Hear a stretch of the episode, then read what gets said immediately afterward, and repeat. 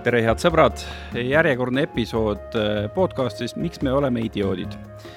idiootide eestvedajad Taavi ja Brit, tere Brit. tere, tere Taavi. täna me räägime turundamisest, reklaamidest ja, ja kõigest sellest. ma hakkasin mõtlema, et, et millal ma esimest korda olin reklaamidega seoses idioot. mina olen nii vana inimene, et, et mina mäletan veel kõige esimesi selliseid reklaame, kui Eesti Vabariik tuli, et vaata, Nõukogude ajal olid ka reklaamid, aga siis oli, siis reklaamiti asju, mida nagunii ei olnud saada, kana, hakkliha ja kõik need asjad, eks ja siis Kuule, ma. seda retroreklaami tean isegi mina. tead jah? kana, kana hakkliha, see reklaam. just, just, just, just, just, just, just. tean, tean, tean mm. -hmm. just, just. aga no ei olnud ju vaja midagi reklaamida, sellepärast et kõik oli nagunii defitsiit, aga ma mäletan, et et minu peres oli väga suur sündmus, kui koju jõudis esimene asi, mille reklaami mina isiklikult olin näinud televiisoris. tead, mis asi see oli? Äh, no paku, paku nagu seda tootevaldkonda. kas see oli mingi toit? jah. banaan? Äh, ei, ei, see oli ikka konkreetne mark. see oli, no paku veel üks äh,. enne kui piinlikuks läheb mõtlen just, et ma olen äkki liiga noor selle küsimuse jaoks. kas see on nagu mingi bränd või? no bränd jah, aga no ütle, paku see valdkond, et mis asi see on, sa kindlasti ka kasutad, sa oled küll noor, aga sa oled ilmselt seda kasutanud elu jooksul. võib-olla täna hommikul ka. on see söök, on see jook, on ju? no see on, see ei ole nagu söök ega jook, aga see on okei okay,, see on jenkinäts oli. Ütlen siis ära Jenki nätsu toodi vist Nõukogude ajal Soomest ka, aga, aga ühesõnaga tõesti, siis ma mäletan, et ma võisin olla mingi viie-kuueaastane ja siis olid, olid telereklaamid Jenki nätsu kohta ja siis, kui esimest korda see Jenki näts kuidagi mul kodus otsas, siis noh, mul siiamaani meeles, seda on reklaamitud ja see on sul käes ja sa saad selle suhu pista, et ma olin siis esimest korda selline reklaami ohvrist idioot. oota, aga kuidas see Jenki näts siis maitses? ei mäleta et ei olnudki mingit tohust, tohutut vaimustust. tead, see näts ei olnudki nii oluline võib-olla kui see Jenki mm. paber ja kõik see mm. värk, on ju mina mäletan seda, et kui ma olin äh, väike laps, siis tead, vaata ikka tuled nagu koolist nagu koju üsna vara, vaata tunnid saavad läbi, paned teleka käima või siis, kui oli vaata koolivaheaeg ja sa lähed niimoodi vanavanemate juurde puhkusele ja paned teleka käima ja sealt tuli päevast päeva neid äh, Topshopi reklaame, vaata, kus reklaamiti neid täiesti mingeid no, no täiesti nonsense tooteid aga mingil põhjusel minule kui väiksele lapsele need mõjusid nii hästi. ma mäletan, seal oli mingi selline asi, kuidas sa nagu tõmbasid niimoodi pintsliga vikerkaare otsa paberile ja ma olin täiesti obsessed, ma nii, nii tahtsin mm. seda saada, ma küll ei saanud seda endale kunagi. ja praegu ma mõtlen, et noh, thank god, et mu vanemad siukse nagu asja peale raha ei raisanud, aga kuidagi just need Topshopi reklaamid mõjusid mulle nagu noh, hüpnotiseerivad. olid ajad, Eesti Televisioonis, Rahvusringhäälingus olid pooletunnised sellised top-shop'i saated, kus lihtsalt näidati reklaame, pöörane värk. päriselt okei okay,, nii palju meist, aga, aga tutvustades meie külalist, Brit. jaa äh,, meil on külas täna agentuurist Imagine äh, Sven Luka, tervist! tere! kõigepealt äh, võib-olla alustuseks, et miks, miks just sina meil täna siin külas oled, et meile jäi silma üks Facebooki postitus mille sa tegid, kus sa väga teravalt kritiseerisid ühte Eesti ettevõtet seoses siis nende turunduskampaaniaga, mis puudutab Ukraina sõda. Ja see on ka tegelikult meie tänase saate teema et kuidas väga paljud ettevõtted on nüüd kogu selle sõjategevuse käigus noh, praktiliselt uperkuuti lennanud, keegi enam ei tea, kuidas, mida, kus, millal ja kuidas, ma ei tea, toetada, kuidas oma toetust näidata, kui palju annetada ja kõik see teema, et mõtlen, äkki sa alustuseks võib-olla veidi valgustaksid meie kuulajaid, et mis sa seal täpselt äh, kirjutasid? no kõigepealt ma tegelikult üldse ei äh, rünnanud ühte ettevõtet kui sellist, et see ei olnud mingisugune eesmärk, paljud võtavad, et ma nagu neid rünnanud, tegelikult on minu arust see probleem palju suurem või või selline ebaeetiline reklaami tegemine, ma arvan, et sõjaga lihtsalt on see kuidagi eriti selline äh, kriitiline või terav lihtsalt, et eh, millele tuleb tähelepanu pöörata ja, ja lihtsalt ük, üks mingisugune konkreetne reklaam lihtsalt eh, trigerdas ja mõtlesin, ma panen kirja ka, mida ma olin mõelnud juba kuu aega mm, -hmm. et eh, mis toimub ja mida võib-olla ei peaks tegema siis mm. -hmm. mis seal reklaamis siis oli, mis sind häiris? häiris see, et see ülesehitus on selline heategevusliku mulje jätmine, ilma et tegelikult võib-olla seal taga tegelikult oleks heategevus esmane eesmärk, vaid pigem rohkem on siis omakasu nii-öelda või kasumi teenimine mm. -hmm. Ilmselt äh, väga paljud ettevõtted tegelikult on sinna ämbrisse praegu nagu astunud siin sõjategevuse vältel ka mm. -hmm. no jutt oli, jutt oli ühest äh, juustust, ma sain aru, et, et seal tuli välja, et kuskil mingisugune kümme protsenti sellest, äh, sellest hinnast läks siis nagu heategevuseks või midagi niisugust? kümme senti vist oli. kümme senti. protsenti ma ei oska öelda, et ma, ma ei tea, mis selle juustu hind muidu on. oi, no juustukilo on ikka uh,, pagan ikka. Ma, ma tahaks Kü ma tahaks nagu mõelda, et kui sa ikka ostad kilo juustu ja ettevõte justkui väidab, et nad annetavad siis sada protsenti tulust Ukrainale, et noh, selle hind ei saa ometigi olla ju kümme senti. see, see, see ei ole lihtsalt loogiline. Jah, seal läks küll rappa, see on siis mingisugune üks protsent tegelikult maksimaalselt. ühesõnaga nagu mm, jah, et, et me oleme head inimesed ja, ja ostke meie tooteid ja siis me toetame nagu siis Ukrainat, aga välja tuleb, et et suurem osa läheb ikkagi nagu enda taskusse. kuidas sulle tundub, äh, sa oled ise ka samas valdkonnas, kas see nagu kuidagi kukkus lollisti välja või, või see ongi selline, ma ei tea, röövturundus või kuidas sa seda nimetad, ebaeetiline turundus või? no ma ise nagu tahaks loota, et pigem see juhtus niimoodi, või vähemalt ma olen kindel, et väga paljudel juhtubki see niimoodi, et neid ei mõtle läbi või kuidagi selline õhinapõhiselt lennatakse peale, et hakkame kohe head tegema, läbi mõtlemata, mis see lugu seal taga tegelikult täpselt on või mida nad täpselt mõtlevad seal taga, et kuidagi lennatakse peale, tehakse ära mingi esimene otsus, mis tuleb pähe, mis tundub õige, aga suuremat pilti nagu võib-olla adumata või mõtlemata sellele sel hetkel. See on tegelikult äh, väga hea point, just see õhinapõhine ja hakkame kohe ruttu tegema, et mul on niisugune tunne, et äh, vot äh, selle vea tegid küll väga paljud ettevõtted kohe, mul tuleb näiteks pähe kas või ju see, kui noh, sõjategevus hakkas ja kohe kõik, eks ju, Selverid, Coopid, ma ei tea, Barbora, Trimmid, kõik hõiskasid, võtame nüüd Vene ja Valgevene tooted kõik müügilt ära. nii, siis hakkasid esimesed uudised tulema, kuidas oi-oi, ikka tead, on siin mingid Vene viinad on umbes müügil ja et mis nüüd siis toimub ja siis jälle vabandati ette-taha, et tead, et kõik see uudis tuli nii äh, ruttu ja see on nii, me ei ole veel jõudnud kõike ära eemaldada ja siis tulevad uued uudised, et aga mis siis sellest kaubast edasi saab keegi selle peale nagu ei mõelnud, et okei okay,, me korjame kõik, kogu selle kauba müügilt, aga mis saab edasi? see kõik jäi lihtsalt kas siis äh, laoruumi istuma, aga samas ju selle kauba eest oli juba makstud. Tegelikult võiks ju selle maha müüa. ja see on jah, selline no seesama õhinapõhine on ju, et lihtsalt kohe teeme, näitame mingit protesti, mõtlemata läbi, mis on, et kui sa ei taha neid müüa, ma ei tea kui sul on toit, anna Toidupangale, kui sul on mingid muud asjad, anna kellelegi, kes seda vajavad, on ju, ma ei tea, saada sinnasamma Ukrainasse see toit, las nad siis saavad süüa selle eest, kui sina ei taha seda enam müüa. et selline, selline läbimõtlemata turundus võib-olla või et ma, ma, ma ei oska nagu isegi kommenteerida, kuskohast need otsused täpselt tulevad, et kas need üldse tulevad mingite professionaalsete turundajate abil või lihtsalt on kuskilt eh, tiimil on tulnud hea tunne ja hea mõte, et nüüd me teeme midagi ja siis ma arvan, et see, see tunne ongi hea, aga lihtsalt see mõte seal taga kaob ära. No paljukest neid asju ikka on, mis, mis nagu niivõrd mastaapselt äh, mõjutavad kõiki valdkondi, nüüd ongi see sõda, kindlasti oli nagu koroona, mis nagu võimaldab äh, noh, siis äh, teha sellist omapärast turunduskäiku ja millegagi välja tulla ja siis ühel hetkel nagu tulevad teised kohe järgi sellega, nagu oli konkreetselt selle Vene kaupade eemaldamisega, et et äh, mina ja Brit siit nagu, nagu meedia poolelt me kindlasti näeme seda, et, et meil on ka nagu see probleem, et kui äh, mingisugune portaal tuleb mingi uudisega välja, siis noh, kõik nagu ah, et saaks nagu no põhimõtteliselt nagu minut hiljem peab olema igal pool seesama asi väljas mm. -hmm. kui sa nagu näed seda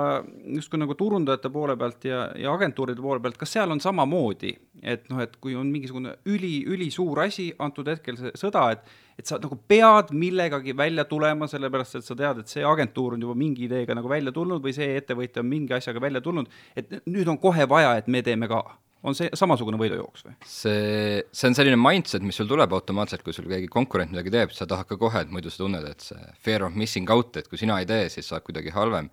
aga ma arvan, et see näitab sellist eh, turundajate taset, et kui sa suudad nagu hetkeks sisse hingata ja mõelda, miks sa seda teed või kuidas sa teed, et siis seda ei tehta, et äh, et eh, jah, taaskord seesama sõnum, õhinapõhisus, et tundub õige, lähme sinna tegema, aga aga ma arvan, et sellised targad ettevõtted, kellel on mingi suurem plaan, suurem nägemus, nemad tegelikult toimetavad sellega nagu väga, väga asjalikult ja nad ei tee selliseid äh, rutakaid otsuseid, see ei tähenda, et nad kiiresti ei tegutse, aga kui ettevõttel on, ma arvan, sees kõik paigas, strateegiliselt kõik paigas, eh, nad teavad, miks ja mida nad teevad, siis selliseid Äh, ämbreid, ütleme niimoodi, et tõenäosus, et see ämber tuleb, on palju väiksem kui see, et kui lihtsalt nagu lennatakse peale ja tehakse midagi millegi jaoks. kas sul on äkki mõni äh, näide tuua mõnest sellisest äh, positiivsest äh, turunduskampaaniast, mis on sinu hinnangul olnud tõesti, et sa vaatad, et okei okay,, et see on tõesti väga hästi läbimõeldud ja teostatud? No ma arvan, et see on juba väga lihtsalt, mõned äh, poeketid näiteks on teinud lihtsalt see, et nad e-poodi on lisanud toote mingi X hinnaga ja kogu see raha, mis sealt on, tegelikult annetatakse edasi, et ta on justkui noh, nii-öelda toode, tegelikult on ta annetus, ehk nad on muutnud oma veebipoe keskkonna siis annetuskeskkonnaks, et võib-olla inimesed muidu ei leia, ei jõua sinnani, siis kui nad jõuavad veebilehele midagi ostma, ma ei tea, kas või toidukaubandus tahavad saia-leiba, siis näevad, et võimalus on kolm eurot nii-öelda arvele otsa panna ja nad teavad, et see kolm eurot tegelikult siis suunatakse edasi juba nendele institutsioonidele, kes siis tegelikult äh, tegelikult siis sellega õigesti oskavad edasi tegeleda, et ma arvan, et see, see on niisugune hea näide ja päris mitmed on seda teinud, ma olen näinud mm. -hmm mina olen küll näiteks täheldanud äh, mõnes toidupoes, et ongi neil kohe ripuvad niisugused suured nagu sildid, kus on need triipkoodid on peal. et näiteks, kui sa oled puldiga, sa skaneerid ära selle triipkoodi, et ma ei tea, viis eurot Ukraina toetuseks, kümme eurot, iseenesest hästi lihtne, aga samas noh, ikkagi ju tõhus mm. -hmm. mis on need valdkonnad, mille osas äh, eestlased äh, tarbijatena kuidas ma nüüd ütlen, on sellised haavatavad, mille peale saab turundaja justkui nagu rõhuda, et mulle tundub, et nagu eestlased eh, on hästi selline heategevust arvastav eh, rahvas, et ma olen nagu kokku puutunud inimestega, kes ise, endal ei olegi mitte midagi, neil ei ole korteritki ja siis nad ka ütlevad, aga kui oli see inglite aeg ja ta nägi seda inimest, kellel oli kuradi pakusuurune jalg, ikka ta helistas ja andis need viimased kakskümmend viis eurot ära, et, et nad tohutult tahaks head teha. Me näeme ka praegusel hetkel, et kõik need heategevussaated, mis on Ukraina kasuks tehtud, et need koguvad metsikult nagu raha ehk siis noh, turundajana ka sa näed ära, et nagu heategevus võiks olla selline valdkond, mille puhul nagu töötab, et äh, on võimalik nagu suunata inimesi kuidagi tarbima mingeid asju. Äh, on veel mingisuguseid valdkondi, mis sa nagu kuidagi tunnetad, et, et eestlastele see asi läheb peale ja selle peale nagu annab sõita? noh, jube keeruline küsimus, nagu lihtsalt kui selle heategevuse juurde tagasi tulla, siis ongi, et miks see heategevus nagu tehakse, kas sa teed heategevust turunduse pärast või sa teed päriselt head, on ju, seal tekib nagu see küsimus ja nagu head, kui, kui rääkida konkreetselt sellest heategevusest või jutumärkides heategevusest, siis kõik tarbekaup või selline odav kaup on nagu hea, millega teha, et ongi, ma ei tea, osta komm, on ju, see ei maksa suurt midagi, aga väike osa läheb, siis sa automaatselt valid selle kommi, sest sa niikuinii võib-olla teed selle kulu või see ei ole suur kulu aga jaa, mida, mida kallimaks läheb, ma arvan, et autot sa ei lähe ostma, et oo, nüüd läheb neli tuhat eurot läheb sinna, et ma nüüd ostan auto, et ta peab pigem olema selline emotsiooni selline kiire, mis sul jääb nii-öelda käigu peale, ongi toidupoes või kuskil sellises kohas. ja, ja no mingid need šokolaadimedalid, mis on nagu teinekord on ju kui eetiline üldse on tegelikult suunata inimest tarbima heategevuse nimel.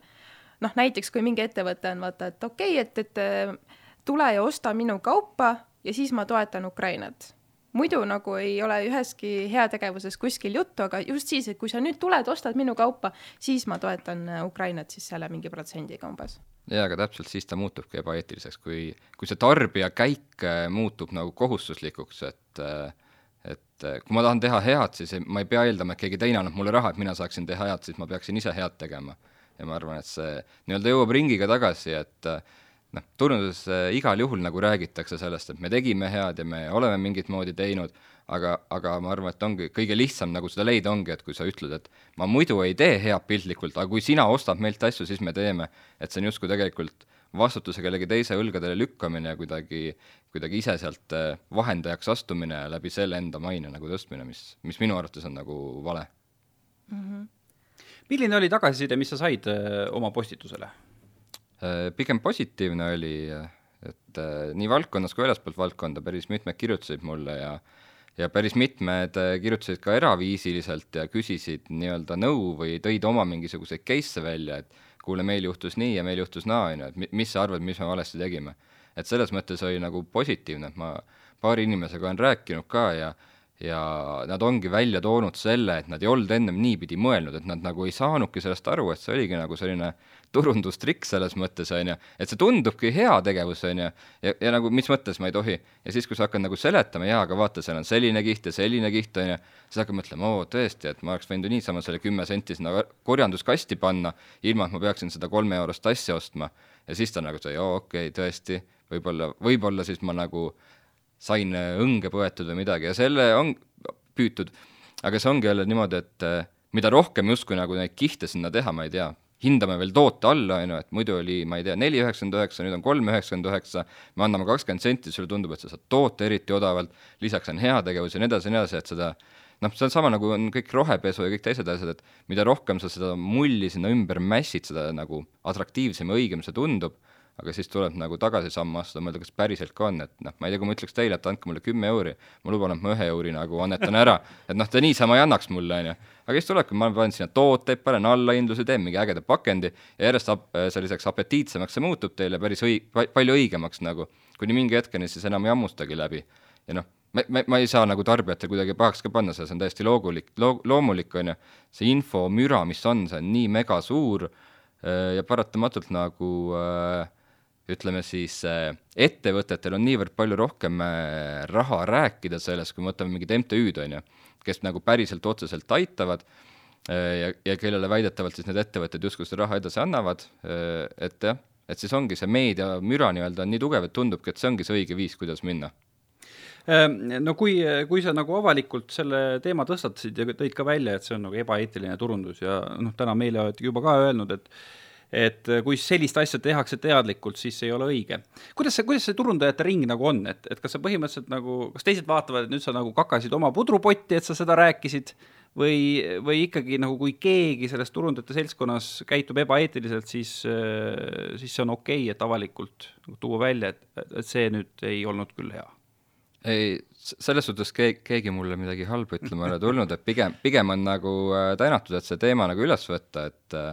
noh, üldiselt mulle ei meeldi endale üldse mingitel teemadel sõna võtta, et äh, alati juhtub mingeid asju ja kõik ei ole nagu ühe inimese kontrollida, aga see lihtsalt oli kuidagi nii terav ja valus, et ma, ma pidin selle postituse tegema, ma ei tea isegi, kuidas ta nii suureks järsku kasvas, et ma nüüd siin istun ja mingisugused muud väljaanded minuga suhtlevad sellel teemal, et äh, see ei olnud üldse nagu niimoodi plaanitud, ma lihtsalt tahtsin, tahtsin endast välja öelda selle, mis mind nagu piinas, aga muidu see turundusringkond tegelikult, äh, kui me võtame, ma ei tea, Turundajate Liidu enda Äh, portaalid ja nii edasi ja nii edasi, siis äh, erinevad portaalid, erinevad väljaanded tegelikult on seda kajastanud erinevalt poolt, nii äh, PR-i poole pealt, nii turundajate poole pealt ja tegelikult see sõnum on olnud ühtne, et ära kasuta põhimõtteliselt seda Ukrainat turunduseks enda jaoks, et see, see ei ole nagu seda väärt. kas äh, ettevõtetel, nagu sinu hinnangul, vaata ettevõtted on ikkagi ju noh, põhieesmärk on ju teenida raha ikkagi, kasumit ja need ettevõtted, kes ilmselt võib-olla mingil määral ikkagi loodavad nagu Ukraina peal teenida või et kas, kas see on üldse okei okay,, kui, kui, kui mõni ettevõte teenib raha niisuguse teema pealt? no mõned ettevõtted niikuinii teenivad selle vastu, me ei saa, ma ei tea, vaatame sõjatööstust ja nii edasi, edasi, et see on paratamatu, et teenitakse, see on ju mega, megaraha, mis seal liigub aga ma arvan jah, et kui kuskilt nüüd kõrvalt hakata kommimüüjana või, või mis iganes asjana müüma, müü-, müüjana ka nagu üritada siis sealt seda raha te-, teha, siis minu arust on see nagu ainult üheti mõistetav, et see ei ole okei. Okay tõmbame selle teema laiemaks, see oli vist äh, Magnus Luškov, kes äh, hiljuti ütles, vähemalt pealkirja tasemel ma lugesin midagi sellist, äh, ka üks tõeline reklaamigeenius Eestis, et et nüüd, kui nagu sõda on see selles mõttes mõjutab kogu seda turundust, et, et justkui nagu läbi huumor on väga keeruline mingit kampaaniat teha ehm,. kuidas sa seda asja mõtestad, et nüüd, nüüd me oleme nagu kriisis, eh, julgeolekukriisis, et, eh, et seal Butša tänavatel on surnud inimesed, eh, noh, pidevalt on, tuleb põgenikke juurde, kes on väga raskes olukorras, kas, kas nagu nalja tegemine või huumori võtmes mingite kampaaniate tegemine on üleüldse nagu tabu hetkel? see on hea küsimus, ma ei ole ise seda Magnuse artiklit lugenud, ma tean, et tal tuli see välja, aga ma ei ole, ei ole jõudnud seda lugeda. ja väga keeruline kommenteerida, et ma just vaatasin hiljuti, see oli vist mingisugune dok, mis rääkis äh, mustast huumorist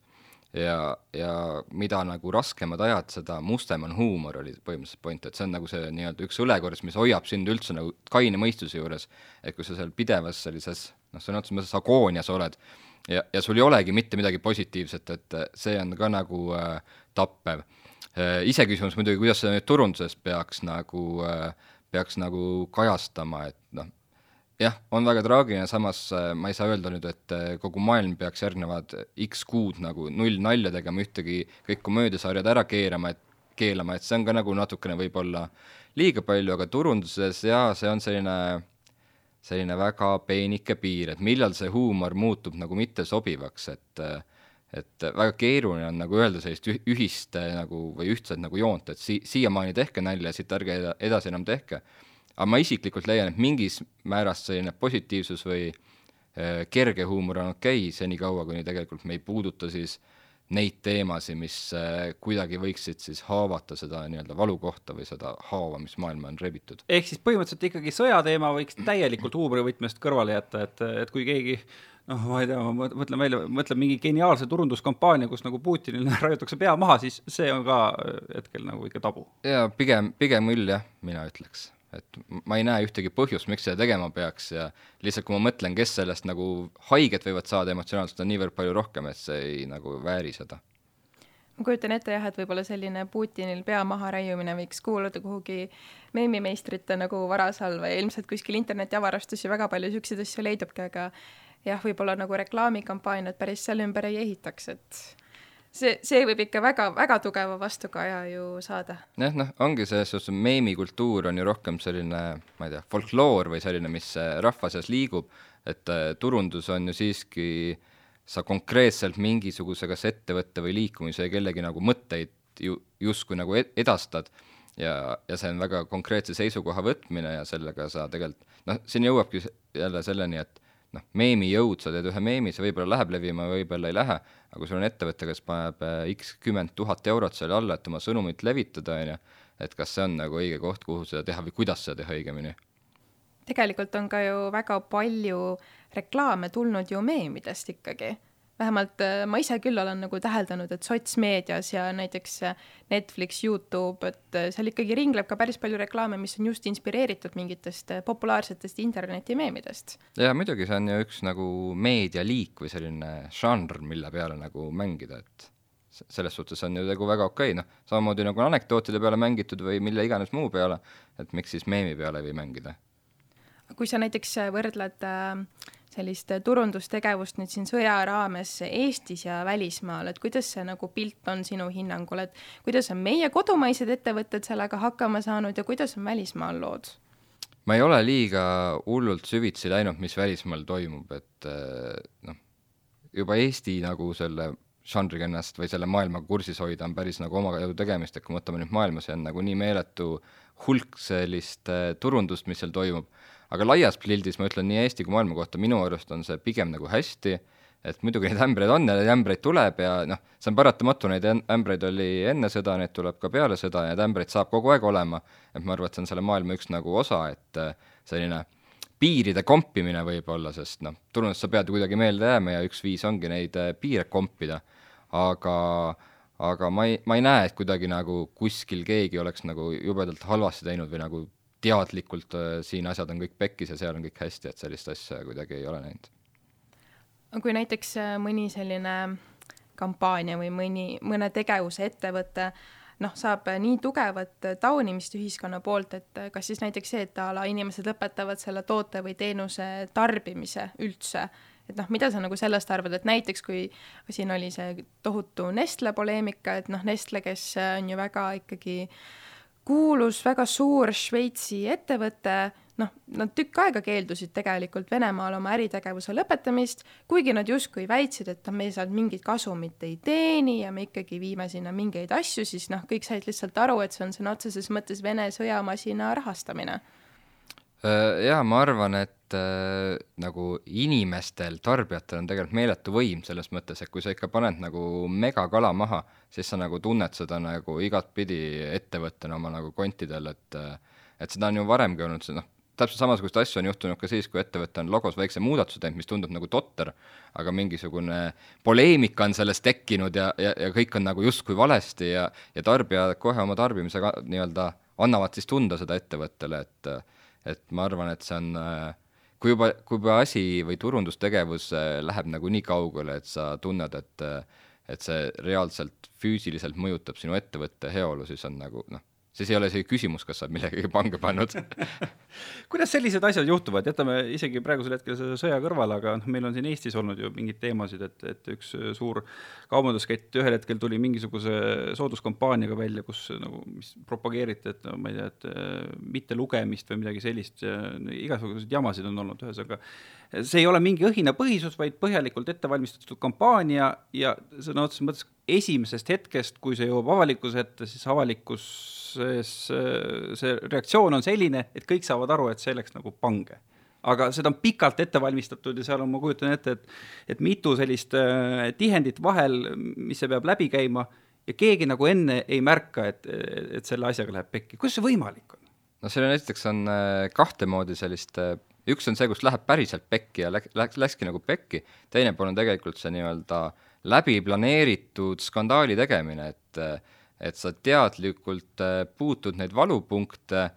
ärritades võib-olla siis äh, mingit äh, kas kogukonda või mingisugust seltskonda inimesi, selleks, et saada endale siis rohkem kõne, kõnepinda sellel samal teemal. et see on nagu teadlikult tehtud, teadlikult läbimõeldud tegevus mm,. Ja võib-olla kolmas teema, mis üldse on, on tihtipeale on selline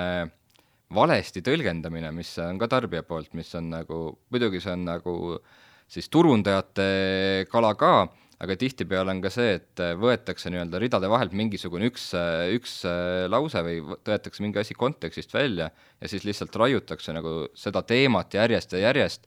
ja, ja nagu mida edasi seda nagu räägitakse, seda rohkem alg, algsest nagu teemast üldse kõrvale minna, minnakse ja asi muutub, hakkab nagu oma elu elama. no aga siis on ka ikkagi turundajate kala, et turundajad ei ole kõiki neid stsenaariumeid läbi mänginud ju. jaa, muidugi selles mõttes, noh, üks on see, kas see on kala, teine on see, kuidas sa sellega toime tuled, on ju ka et äh, tihtipeale sa teed midagi, siis sa ei julge tunnistada, et sa tegid et äh, et seal ei ole ainult, ma arvan, selles ühes äh, reklaamis või sloganis alati küsimus, tihtipeale on ka see, mis sellest edasi saab. et kui see skandaal üles tuleb, et mi-, mis sa siis teed, on ju. et mõned hakkavad kohe vabandama, ütlevad oi, see ei olnud üldse niimoodi planeeritud, teised teevad midagi teistmoodi, mõned ütlevad julgusega jaa, et see oligi nii planeeritud ja nagu teile viiele, kellele see ei meeldi, et see ei peagi teile meeldima, me tegime endale viiesajale, kellele see meeldib, on ju,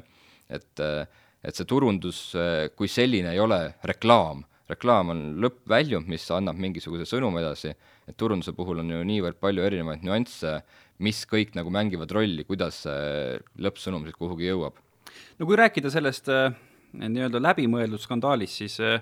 äh noh, ma saan aru, kuidas see võib nagu äh, tuua kõneainet äh, poliitilistele gruppidele ja mingitele ühiskonnagruppidele, kes tahavad rohkem pildile saada, aga kui me räägime tõesti ettevõtlusest, et kuidas, kuidas see läbimõeldud skandaal kokkuvõtteks ettevõtjale siis, siis nagu tagasi toob, kui inimesed on vihased? Võin näiteks tuua ühe hea näite maailmast, on üks burgeriettevõte, niisugune krooniga tüüp on seal, ja siis ta tegi kunagi sellise kampaania sotsiaalmeedias, et ma ei mäleta, mis see suhe oli, minu arust see oli vist niimoodi, et iga sõbra ees, kelle sa ühes sotsiaalvõrgustikus ära kustutad, saad sa tasuta burgeri et äh, meeletu skandaal oli selle üle, on ju, et äh, see portaal ise nagu võttis, et mis mõttes hakkad umbes lammutama ja üldse nagu, et mis, nagu see mõte sellest, et sa loobud sõpradest, on nagu veider, eks ole. Aga see oli väga kaalutletud see ja see tulemused olid nagu superhead, et äh, väga palju on ju ettevõtteid, kes nagu teadlikult tegelevad skandaalidega või, või vähemalt üritavad seda luua, et on ju kaks suurt autotootjat, kes on nagu legendaarsed selle üle, et et äh, kui teeb üks, ühe välireklaami, siis selle kõrval ostetakse uus, mis on selle vastas ja sellele tuleb järgmine kolmas, kus omakorda vastatakse, tekib selline dialoog ja mängulisus, mis on täis seda skandaali, aga see nagu toimib. aga seal on jah, alati see võimalus, et võib-olla sa astud sammu liiga, liiga kaugele või teed midagi, siis see skandaal ei õnnestu sada protsenti nii, nagu, nii nagu soovitud ja nagu ma ütlesin, et neid apsakaid alati tuleb küsimus on, kuidas sa nendest apsakatest taastud ja mis sa nendega edasi teed. kas sul tuleb Eesti äh, turundusajaloos ka mingisugune niisugune õnnestunud skandaal meelde? Eesti, hea küsimus, oleks pidanud varem küsima, siis ma oleks saanud äh, mõelda selle peale. enne kui varem selle peale mõtled et ko kohe esimese hooga ei tule, ma tean, et on mingi internetipakkujate sama teema on olnud välimeediaga, et üks ütles, et minu internet on äh, X kiirus ja siis järgmine tegi, ostis kõrvale, ütles, et kahju, et teil nii aeglane, et meil on kiirem, et selline no ma ei tea, mul tuli näiteks praegu meelde, et noh, ma olen, mul on ikka mõned kampaaniad on äh, mälusoppides küll, kus ma olen nagu mõelnud, et oot-oot-oot, et kuidas, et miks nüüd nagu selline reklaam, noh näiteks üks äh, eestimaine lihakobinat tegi mõnda aega tagasi sellise reklaami, kus siis äh,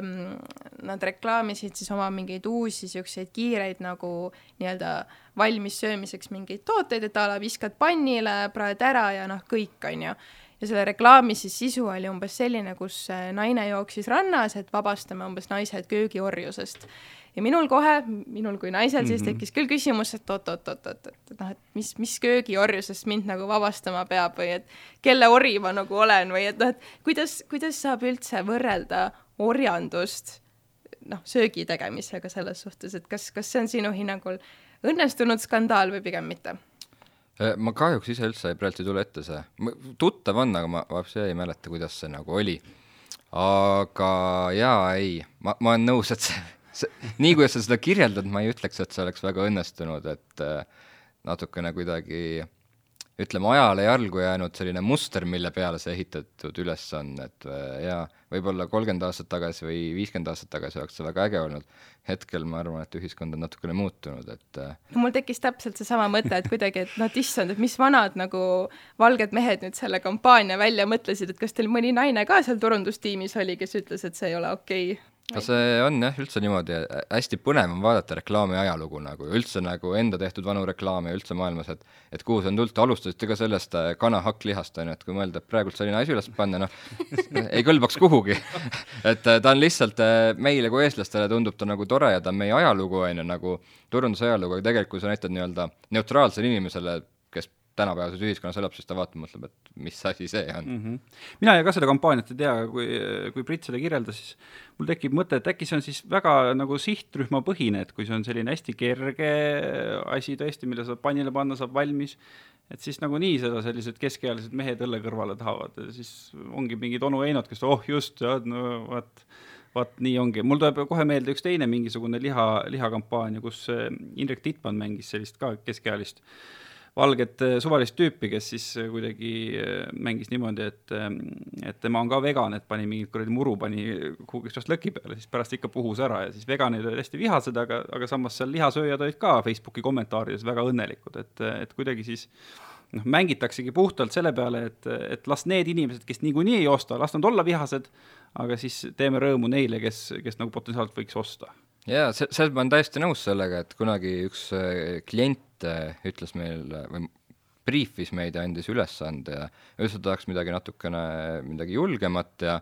ja et äh, tuli ka see teemaks, et mis siis, kui keegi haavub või keegi nagu äh, keegi tunneb ennast natukene halvasti, siis vastus oli selle peale, et vaata, et niikuinii sada protsenti inimestest meie toodet ei osta. Et kui te suudate teha nii et, et kakskümmend viis protsenti meid vihkavad, aga selle eest kakskümmend viis protsenti ühiskonnast meid armastab, siis meile sellest kahekümne viiest protsendist piisab, et nagu olla edukas mm. -hmm. aga vahel ja tegelikult äh, vahel sellised provokatiivsed reklaamid nagu töötavad, minu hinnangul. mulle lihtsalt tundub, et nagu noh, mina isiklikult ei kujuta ette, et ma mõnda ühiskonnagruppi samal ajal nagu haavan, pigem tahaks ju teha midagi sellist neutraalset, noh, ei vä? Või, või, või siis, või ongi see siis okei okay,, et kui osad on nagu vihased, aga suurem osa on nagu rõõmsad? ei, ma olen nõus, et kedagi tegelikult ei ole viisakas minna haavata ja rünnata neutraalsusega ma samas ka nõus ei ole, et kui sa teed nagu midagi kõigile, siis see on mitte kellelegi, küsimus on nüüd see, et kui sa teed midagi kellelegi, kas sa pead kuidagi teisi nagu halvustama või maha tõmbama, on ju, või sa lihtsalt suunad sellele ühele sihtgrupile, nad tunnevad ennast puudutatuna ja selles on see nii-öelda võidukoht. et äh, hästi lihtne on nagu teha teisi maha selleks, et ennast nagu ülespoole tõsta, aga palju nagu keerulisem või palju targem oleks ennast lihtsalt üritada üles tõsta mingis sihtgrupis ja teisi mitte maha teha. Aga noh, nagu sa välja tõid, siis äh, see on ilmselt keerulisem variant, et, et sellise vastandumise teel on, on lihtsam ja äh, kas see on siis mingil määral selline laiskus või siis äh, noh, lihtsalt ei tulnud paremat mõtet, see on selline esimene asi, mis pähe tuleb, ma kujutan ette, jah ma, ma ei usu, et isegi, et tulnud parem mõte, et võib-olla sel hetkel isegi, kui seda nagu mõeldakse, siis see tundub nagu hea, aga see protsess nagu võib-olla, protsessi käigus see asi võib-olla keerab mingeid vinte asju peale ja ja, ja need asjad nagu muutuvad ja ja noh, ühiskonna, ühiskonnas ka, kui sul on mingi kampaania, sul võib nagu mitme kuuga mingi teema väga nagu valusaks järsku muutuda, ehk kui sa ükskord nagu laivi tuled, sa oled nagu hea, hea mõttega teinud ja sel hetkel on midagi toimunud ühiskonnas ja siis sinu asi läheb laivi ja siis saab lihtsalt kogu selle selle samuse rahe endale kaela, sellepärast et midagi, midagi justkui läks pekki, aga sel hetkel, kui sa seda tegid, see võib-olla ei läinud, et seal on, no ma nagu ma ütlesin, seal on nii palju erinevaid nüansse mm. -hmm kuidas üldse tänapäeval turundaja ja, ja loovagentuuris töötava inimese elu on, et kas, kas on üldse võimalik nagu midagi teha, et kõik ongi nii tasapaks ja neutraalne, nagu Brit välja tõi, et kõik nagu solvuvad kogu aeg. et kas, kas just nagu selle solvumiskultuuri tõttu ja tühistamiskultuuri tõttu on, on kuidagi nagu läinud keerulisemaks olla nagu nupukas ja loov ja, ja sihuke humoorikas? kindlasti selles mõttes, et mida rohkem neid valupunkte on, seda keerulisem seal vahel navigeerida on, aga ma ei ütleks, et see nagu kuidagi halb on, selles suhtes seda nagu põnevam on seda teha, selles mõttes see väljakutse on palju suurem, kuidas nagu tulla hea mõtte peale, kui see, et see lihtsalt ongi seesama näide, et äh, ära orja köögis või mis, mis see siin täpselt oli, on ju, hästi niisugune lihtne klišeelik mõte, on ju, aga üritada nüüd sellele samale mõttele nii-öelda leida positiivne väljund, et see on nagu selline äge challenge kuidas sa ütleksid, et mina olen näiteks väga palju ka näinud internetis sellist äh, mõt-, mõtisklust siis, et äh, tänapäeva noortele, noh, see Gen Z nii-öelda, et neil on väga raske üldse midagi turundada või müüa, sest mitte ükski nii-öelda reklaamikuru ei suuda ette ennustada, mis, äh, mis läheb kuidagi, ma ei tea, populaarseks või viraalseks või mis nendele noortele tegelikult mõjub no siin on jälle see võib-olla, et alati ei pea tegema seda, mis sa tahad, et teistele meeldiks, pigem nagu mina ütleks, et edukad ettevõtted räägivad seda, millesse nemad usuvad, mida nad teevad, miks nad teevad, ja need inimesed, kes siis mõtlevad samamoodi, tulevad nendega kaasa. Et äh, sellist äh, iga trendiga kaasa jooksmist äh,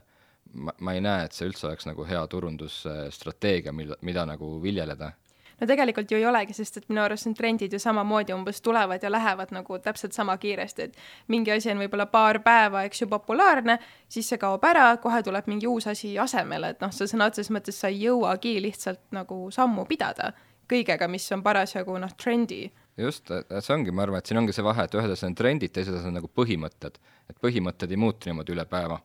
Et äh, kui, kui sa nagu oled põhimõtteliselt mingi asja pooldaja või vastane, et siis see on miski, mis nagu käib pikalt kaasas. trendid on jah, need, mis muutuvad hästi kiiresti, et pigem nagu endale põhimõtetele, sellisele sisulisele poolele mängida. Ja trend on võib-olla see nagu väljund või viis, millega sa saad seda põhimõtet edasi öelda, aga, aga jaa, lihtsalt nagu teha trendikat asja, ma ei näe pointi.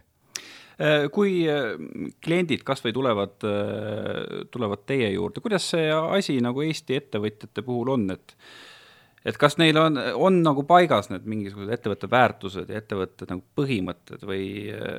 või kui nad tulevad ja hakkavad teiega suhtlema ja te küsite nende väärtuste kohta, siis, siis nagu laiatatakse käsi ja öeldakse, et noh, me tahaks lihtsalt nagu head reklaami saada Äh, mida aeg edasi, seda vähem tullakse nii-öelda, et tehke lihtsalt head reklaami, seda vahel ikka juhtub, äh, õnneks või kahjuks, pigem kahjuks. aga mis et, te siis teete? Äh, head reklaami küll, aga, aga viimati, kui ma mõtlen, kui meil viimati selline klient oli, siis me ei liikunudki kuhugi edasi, kuna me hakkasime küsima küsimusi neid samu, et aga, aga miks ja kellele ja, ja, ja mis jaoks ja nii edasi ja nii edasi, ehk siis üritada aru saada üldse, mida see ettevõte nagu tahab, siis kuidagi huvi kadus ära, et läks vist liiga keeruliseks, tundub. Aga kui sa korra mainisid seda sõna põhimõte, ma korra lihtsalt veel puudutan nagu seda Ukraina sõda, et sellega on mul küll nagu tekkinud nagu mõneti küsimused, noh, meil on väga palju ettevõtteid, kes on justkui, et jaa, et, et muidugi me toetame nagu ukrainlasi ja me võtame sõjapõgenikke tööle, aga oih, siis tuleb välja, et maksavad neile alla miinimumi palka, vot kui mugav, on ju noh, et kuidas sa siis saad väita, et jah, me, me ei ole, me ei toeta seda sõda ja me aitame ukrainlasi, aga samal ajal no vot jälle me oleme omakasupüüdlikud ja maksame neile võimalikult vähe raha. Ma arvan, et see on puhtalt omakasupüüdlikkus, et puhtalt ebaeetiline, kui täpselt sama töö peal on nüüd järsku mis iganes muu tööline, kes on ja saab vähem palka lihtsalt sellepärast, et ta on no, olude sunnil siia pidanud tulema, siis ma, ma ei näe nagu midagi eetilist, ma, ma ei tea nagu mingit tausta küll, aga aga niimoodi öeldes noh, täiesti ebaeetiline ju mm,. rääkimata sellest, et on olnud vist ka sellised ettevõtjad, kes siis kes siis on vastavalt Eesti seadusandlusele selle keskmise palgaga ukrainlase lahti lasknud, et ta saab siis võtta selle sõjapõgeniku või sõjapagulase staatuse saanud ukrainlase asemele, kellele ta ei pea siis sellest seadusandluselt tulenevat keskmist palka maksma, et selliseid juhtumeid, juhtumeid on vist ka olnud, mis on nagu eriti räige. Mm. -hmm, on küll, jah. Aga ma arvan, et siin ei ole isegi küsimus, kas see on okei okay või mitte, ma arvan, et nagu igaüks oskab nagu sellele vastata ilma, ilma selle küsimuseta no jaa, aga, aga kas siis ei, siis peaks ju, kelle otsa siis vaatama peaks, et kas peaks vaatama ettevõtete otsa, et noh, et miks te nii vaata toimite, aga samas tõesti seaduses on ju niimoodi sätestatud, et nad ei pea neile maksma nii no, palju palka mi. mina vaataksin ettevõtetele nagu otsa, et noh, seadus võib kõik olla, aga küsimus on ikkagi, mis see nagu inimese peanupu sees äh, toimub, on ju, et nagu seaduse tõlgendamine on selline kunst ja seal võib igast asju teha, aga miks neid asju tõlgendatakse, on puhtalt siis ju omakasu, et äh, seadus ei pane nagu eetikat paika, seadus paneb mingisugused vormid, kuidas mingid asjad peavad olema, aga et kui inimene otsib ja näeb vaeva selleks, et see auk leida, noh siis ilmselgelt ta ei tee seda nagu sellistel moraalselt kaunistel põhjustel mm. -hmm. no ma kujutan ette, et äh, praegusel juhul me räägime ka sellistest ettevõtetest, kes ei tule agentuuri ja ei, ei räägi väärtustest ja ei räägi põhimõtetest, heal juhul tahavad lihtsalt head reklaami saada, aga pigem nad ei jõua sinna agentuuri, ma arvan jaa, selliseid ettevõtteid on väga palju, kes agentuuri poole üldse ei äh, pöördu kunagi arvatavasti ja ja noh, seal ongi mingisugused teised põhimõtted ja nagu keeruline, keeruline on kõrvalt kommenteerida, miks nad täpselt nii teevad või mis, mis seal peanupu sees sel hetkel toimub, aga, aga minu jaoks on see ikka vale. Milline on äh, sinu hinnangul üks tõeliselt hea reklaam? issand, niisugune küsimus, väga keeruline see on nagu see, mis on elu mõte ma arvan, et hea reklaam on äh, see, mis äh, täidab oma eesmärki, mis iganes see eesmärk seadistatud siis on. on see müük või on see brändi tuntus või, või lihtsalt sõnumi edastamine, et ja kui reklaam või turundus seda eesmärki täidab, siis järelikult on tegu ju hea, hea lahendusega. aga kui on näiteks, kui see reklaam ei vasta tegelikkusele, et mm. näiteks tõde on ikkagi natukene ilustatud see on, äh, järelikult siis ta ei ole ju õige reklaam, järelikult on siis kas äh, petmine või midagi. või noh, mis see ilustamine jälle on, on ju, et kui me, ma ei tea, võtame Coca-Cola siia, näitame, et Coca-Colat juues on fantastiliselt ilus kogu elu, on ju, et see on selline fantaasiamaailm, mis annab sellist emotsiooni, et selle puhul ma ei näe midagi halba, aga kui me räägime jah, nagu nii-öelda äh, faktide sellisest äh, käänamisest ja valetamisest ja sellisest varjamisest, et äh, sellisel puhul ei ole tegu hea asjaga aga milline on siis sinu hinnangul võib-olla niisugune ebaeetiline või halb reklaam? noh, et sa vaatad peale ja tõesti mõtled, et nagu jesus christ. no need ongi kõik need, kus nagu üritatakse siis jätta üks mulje ja tegelikult on seal mingisugune hoopis äh, muu agenda taga või hoopis muu eesmärk. ma mäletan, kunagi meil oli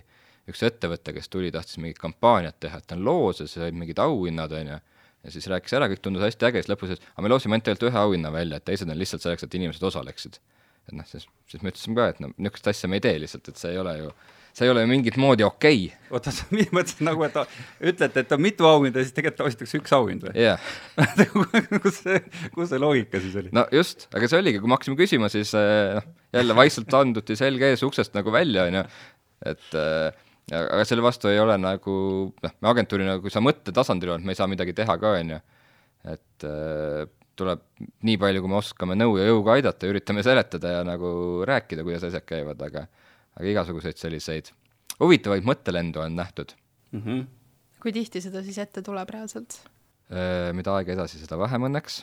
kunagi tuli seda märksa rohkem ette, nüüd on kuidagi inimesed mõtlema hakanud aga aa, ma just, kui sa ütled, et inimesed on mõtlema hakanud, et äh, kuidas on äh, tarbijate võib-olla selline käitumine või äh, informeeritus aja jooksul muutunud, et kas tarbijad on ka teadlikumad, kui neid ikkagi üritatakse reklaamiga petta? kindlasti tarbijad muutuvad ka üha teadlikumaks, aga nagu ma siin vahepeal mainisin, et seda infot on nii palju, et sa ei jõua olla kogu aeg nagu kõigest teadlik ja, ja siis ongi nagu lihtne, aga muidugi selles mõttes, et noh, kui võtame kas või toiduvaldkonna, juba toidusisaldust teatakse niivõrd palju rohkem, et sa ei saa mingeid tooteid lihtsalt ainult pelgalt ilusa pakendiga müüa, kui sul sees nagu mingi puhas crap on, on ju, et kuna, kunagi oli, kui pakend oli äge, sees toimis ja keegi ei teadnudki, mis asi see E-täht seal on mingi numbriga, on ju. et tänapäeval käivad poes, on mingisugused nimekirjad käes, loevad neid, et see teadlikkus on tõusnud, aga muidugi väga palju siiski on võimalik mõjutada turundusega ostuotsust tegema nagu see jenki nets, vaata, et pakend on värviline ja sees on jumal teab mis, on ju. minu meelest see ei olnudki eriti värviline, suhteliselt selline lakooniline, aga lihtsalt kuna telekast oli nähtud, see on nii äge. see on see kollane vist või? ah, ma ei mäleta, minu arust ei olnud kollane ehm, kuule, aga aga kui sa nüüd rääkisid kas või sellest äh, toiduvaldkonnas tehtavatest otsustest, äh, siis noh, meil vahepeal oli, meie endine presidendi proua tõmbas üles need mingisugused palmiõli teemad ja, ja mingid kommiteemad, kus olid mingisugused imelikud asjad sisse pandud ja transrasvad ja kõik see, kõik see värk, et et ma ei tea, kas, kuidas, kuidas nagu äh, sina või, või, või see, see tööandja, kelle heaks sina töötad või, või oled sa kuulnud teiste agentuuride käest, et et kuidas te olete nagu enda jaoks sõnastanud, et kui keegi tahabki tulla ja reklaamida midagi sellist, noh, konkreetselt siis toiduvaldkonnas on kõige lihtsam, et mis nagu, mis nagu agentuuri jaoks tundub crap, kas siis töö tehakse ikkagi ära või pigem on praegu juba trend selline siis, et kuule, me ei tee seda? Asja Õnneks seda crap toitu nagu äh, väga ei reklaamita, et jah, okei okay,, kui mõtleme, ma ei tea, mingi aekauplus, siis ta paneb, et krõpsud on nüüd kolm viiskümmend, on ju, seal nagu agentuur väga midagi ei tee mm. -hmm. et äh, ja järjest vähem ja kui me vaatame neid tooteid, need lähevad ka järjest nagu üha paremaks ja paremaks nii-öelda inimesele. ja siin on jälle see küsimus, et mis, mis hetkest nagu on see crap ja mis hetkest ei ole, on ju, kus see nagu see piir nagu jookseb, et kui sul on üks gramm rasva rohkem, et nüüd on crap, nüüd me enam ei tegele, on ju, et see on nagu väga keeruline nagu jälgida. aga jah, ma ei tea, me, meil ei ole küll ühtegi ettevõtet, kelle juures me tunneksime, et te tegelikult see on nagu täielik jama, mis siin on, me lihtsalt nagu teeme, et et me oleme ka mingitest klientidest loobunud, kellega me näeme, et me nagu maailmavaateliselt võib-olla ei lähe asjad ühes suunas ja noh, ma ei saa kätt ette panna, et ta kellegi teisega seda ei tee, aga vähemalt ma tean, et mina ei ole seda teinud siis üks ju tegelikult ka niisugune uus ja moodne selline turundamine ja reklaamimine on ju läbi suunamudijate või noh, siis influencer'id äh, Instagramis, ma ei tea, Facebookis on ju, kes siis äh, promovad oma kontol siis, et aa, ma ei tea, mulle saadeti neid tooteid või nad teevad mingeid loosimänge ja asju et äh, sinu, ma ei tea, kui palju sa oskad sellel teemal nagu rääkida, aga mis on sinu hinnang, et äh, kas, kas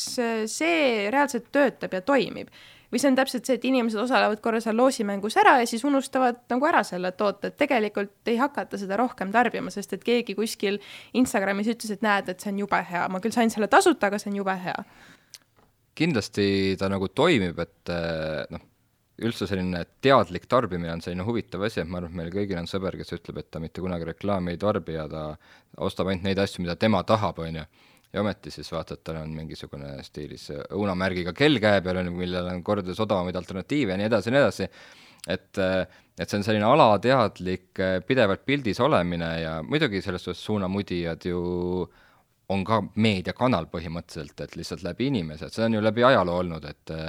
samamoodi enne, enne kui olid suunamudjad kui sellised, siis samamoodi, mis riided sul seljas olid, kui sa kuhugi galale läksid, on ju, või kõik teevad ühte sarja Eesti ajaloos, kus oli Timor oli vaip maas, on ju, ja nii edasi ja nii edasi, et nagu see on kogu aeg olnud, lihtsalt suunamudjad on nüüd üks, üks nii-öelda nüanss või nii-öelda nišš, mis on juurde tulnud sinna.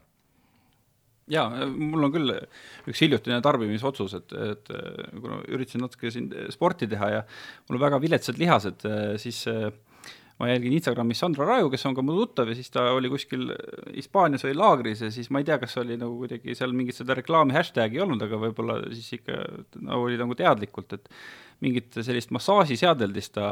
kuidagi reklaamis ja siis järgmine Insta story oli kohe, kus ta oli mingi sada kakskümmend kilomeetrit ratas sõitnud pärast seda ja siis tellisin endale ka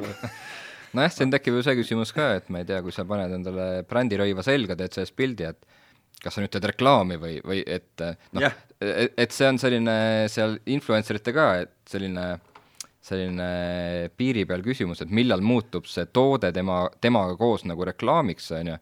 et ilmselgelt on ta siis reklaam, kui ta on selle saanud või veel rohkem, kui ta on selle eest tasutud, on ju, aga nüüd ongi, et kui ma saan äh, pusa, on ju, ja kas ma ei tohi siis seda mitte kunagi kasutada ühegi pildi peal või kui lähen avalikule üritusele, siis pean mingisuguse teibiga hashtag reklaam endale külge kirjutama, et et äh, jah, selline sotsiaalmeedias on see lihtsalt arusaadav, aga selline eraelus äh, on ka, tegelikult käib see asi kaasas siiski no tegelikult see on ju mõnes mõttes nagu öeldakse, et me oleme kõik ikkagi mingil määral nii-öelda suunamudjad, et a la kui näiteks mulle meeldib mingi asi, ma räägin, no näe, Taavi, kuule, jube vinge asi, vaata, mulle hullult, ma ei tea, meeldib, maitseb, mis iganes ja sa oled nagu, aa, okei okay,, et ma lähen no, ostan, proovin ka, onju. just, tegelikult see toimib ju täpselt nii, et ja parim reklaam on ju niisugune suust suhu, vaata, sa ju ei maksa selle eest, aga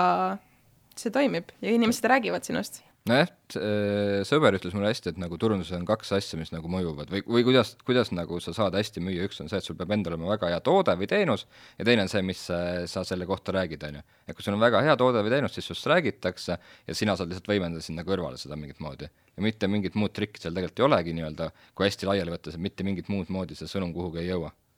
aga kas need, kellel on siis selline väga hea toode või teenused, kas nad äh, peavad ka tegema vähem reklaami selle tõttu? See on, äh, ma arvan, et siin ei ole sellist ühest vastust, et see oleneb väga jälle valdkonnas, kus nad tegelevad ja mida nad teevad ja et äh, keeruline öelda, aga kindlasti on kordades lihtsam, kui sul on hea teenus, et noh, me kõik teame, et sa võid ükskõik kui palju reklaami vaadata, kui sa toote või teenuse ostad ja see on kehv, siis sa rohkem ei osta seda, on ju. ja siis vahet ei ole, kui palju sa seda reklaami sinna taha juurde tuled, sa tead, et see on halb, või sa tead, et see sulle ei meeldi, võib-olla halb on nagu üldistus, aga see ei ole kas sinu maitsel või sulle ei meeldi, et noh, siis ei olegi sinuga midagi teha mm. -hmm. no võtame noh, Eesti mastaabis, no kui me läheme Tallinnast välja, näiteks kuskil seal Põlva külje all Põlgastes on mingisugune tädi, kes teeb väga häid saiu, on ju, ja kui kogu küla teab, et need on head saiad, siis noh, tal ei ole mõtet mingit reklaami teha, et ega Tallinnast nagunii keegi ei lähe sinna saiu ostma, eks. just, et see jah, kõik oleneb nagu hästi tugevalt, et äh, mida ja kuidas teha. aga samas, kui sul on suur pagariettevõte, siis võib-olla sellest küla teadmisest ei piisa jälle. no seda küll, jah. oleneb, kui suur sa tahad olla nii kui äh, Taavi rääkis oma loo, kuidas ta hiljuti reklaami ohvriks äh, langes, et millal sina, Sven, äh, mingi mm, nii-öelda siis reklaami mõju all siis midagi endale soetasid või ostsid? kogu aeg, ma arvan mis, see ei ole midagi või sa ostadki salata. tooteid, millel on hea reklaam, et nagu tunnustada? mul on mingi, see võib-olla isegi ei ole mitte sellepärast, et hea reklaam oli, mul on lihtsalt mingisugused brändid, mis mulle võib-olla väga meeldivad ja siis, kui neilt tuleb äh, mingi uus asi välja ja ma jälgin neid, siis äh, paratamatult äh, tekib selline kihk seda endale saada, et et ma arvan, et ma ei oska nii öelda niimoodi, et oo, ma nägin reklaami siis mul tekkis vajadus, ma arvan, et see on rohkem selline alateadlik, aga kindlasti selline kommunikatsioon ja, ja turundus nagu ilmselgelt mõjutab mingisuguseid otsuseid kogu aeg mm. -hmm. kuidas sinu endaga on, Brit? No mõtlen just, et no ütleme nii, et telekas kõiksugused reklaamid ma kerin edasi ja no Netflixis pole neid õnneks üldse. aga ma võin öelda, et ma olen siis see, see inimene, kes on ostnud midagi, sest et äh, mõni influencer nii-öelda on oma sotsiaalmeedias seda promonud. aga noh, siinkohal ma muidugi ütlen, et ma jälgin neid hästi vähe ja mul on umbes täpselt üks inimene, keda ma üldse Youtube'is vaatan, aga mingil põhjusel ma usaldan tema hinnangut ma usaldan seda, kui ta milleski nagu räägib, et noh, et ta tõesti, ta kasutab seda, see on hea, et ma olen tegelikult päris mitu asja reaalselt ostnud, mida ta on ise nagu promonud, ta on ise seda soovitanud ja noh, ma ei tea, ma, ma olen ka nagu rahule jäänud tegelikult või noh, ma ei ole tundnud, et oh, et nüüd ma sain küll skämmi. mis sa ostsid siis äh,? üks oli mingi selline noh, mingi nagu sihuke võltspäevitus, mida sa nagu määrid siis kehale peale, mis pidi olema kuidagi tervislikum ja nagu kasulikum su nahale. ma ise sinna tohutult küll ei süvenenud, ma jälle usaldasin kurat, minu meelest sa oled küll päris valge praegu ei, praegu küll. Mul ei ole seda praegu peal, ma kasutasin seda eelmine aasta okay., lihtsalt see on üsna kallis, nii et ma praegu ei ole raatsinud seda uuesti osta. Ja praegu on talv ka, ma ei viitsi panna, aga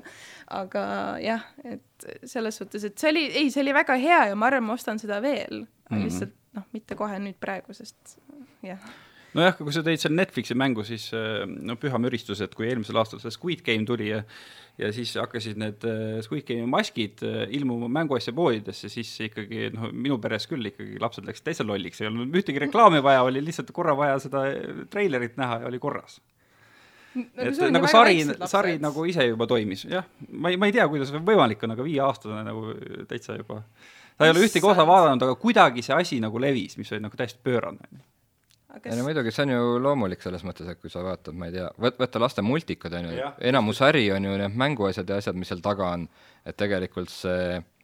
see nii-öelda väljund, see multikas või asi, mis on äge, see ei ole see raha, raha on hoopis muud asjad seal taga. aga kas näiteks see on eetiline, et äh, kui äh, telekast äh, lastakse mingit laste multikat, mingit filmi ja siis seal vahel on äh, siis mingid mänguasja reklaamid, sest et nad teavad, vaata, et lapsed on siis teleka ees, lapsed vaatavad, nad näevad seda reklaami, oo emme, emme, emme, ma tahan seda. kas see on okei okay?? no jaa, see on selline väga terav küsimus, mida päris palju on teemaks olnud, et et väga keeruline vastata sellele, et äh, noh, see põhimõtteliselt tähendaks sellist täielikku isolatsiooni. et äh, kui, kui, me hakkaksime rääkima, et lapsed ei tohi reklaami näha, on ju, küsimus on nüüd, kuidas ja mida seal teha, et noh, ma ise eeldaks või mulle meeldiks muidugi, kui ei oleks sellist ajupesu, aga samas, samas see on selline meedia, meediaruumi elu, et nad peavad sellega hiljem kuidagi hakkama ka saama, on ju, ja kui nad nagu mulli sees elavad ja siis järsku kaheksateistaastaseks nagu kogu see info neile peale kukub, on halb, aga aga muidugi lapsed on väga-väga mõjutatavad igatpidi ja, ja see on noh, see, see, see ei ole küll minu arvates eetiline väga, kui sa läbi laste üritad neid ostuotsuseid teha, aga noh, kellele sa veel neid mänguasju siis äh, reklaamid lõppkokkuvõttes? No see läheb natuke teemast mööda, aga natuke sarnane minu meelest äh, TV3-e kõige kurikuulsam reklaamipaigutus, mis on nagu toonud päris palju vihaseid kõnesid lapsevanemate poolt, oli see, kui esimest korda oli see Kalapoeg Neemo film TV3-s ja siis, kui tuli reklaamipaus, siis esimene reklaam oli kalapulkade reklaam ja siis kuidagi lapsevanemad olid hästi tundlikud ja siis olid hästi palju helistanud, et mis toimub issand, ma isegi ei tea seda see on mingi väga vana teema. no see on ikka jah, kuskil kümne aasta vanune teema, aga wow. siiamaani meenutatakse. lapsed ongi väga valus. aga võib-olla, et kui tõmmata see podcast äh, kokku, siis noh, kõige viimanegi küsimus, et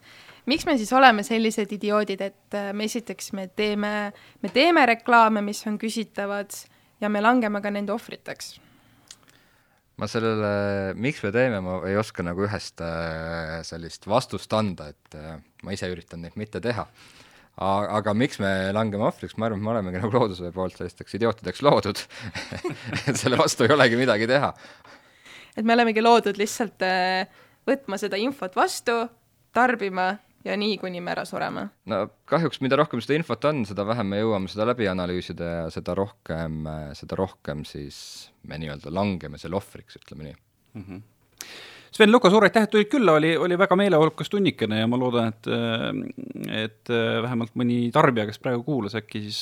langeb ühe korra vähem ohvriks järgmise aasta jooksul. see oleks juba suur asi. ei no see oleks ju väga suur saavutus iseenesest aga jaa, aitäh, et äh, kuulasite, selline veidi äh, vähe tõsisem äh, saade siia vahelduseks, et loodetavasti siis järgmine kord saame ka juba natuke leebematel teemadel jälle arutleda. aitäh teile! aitäh! aitäh!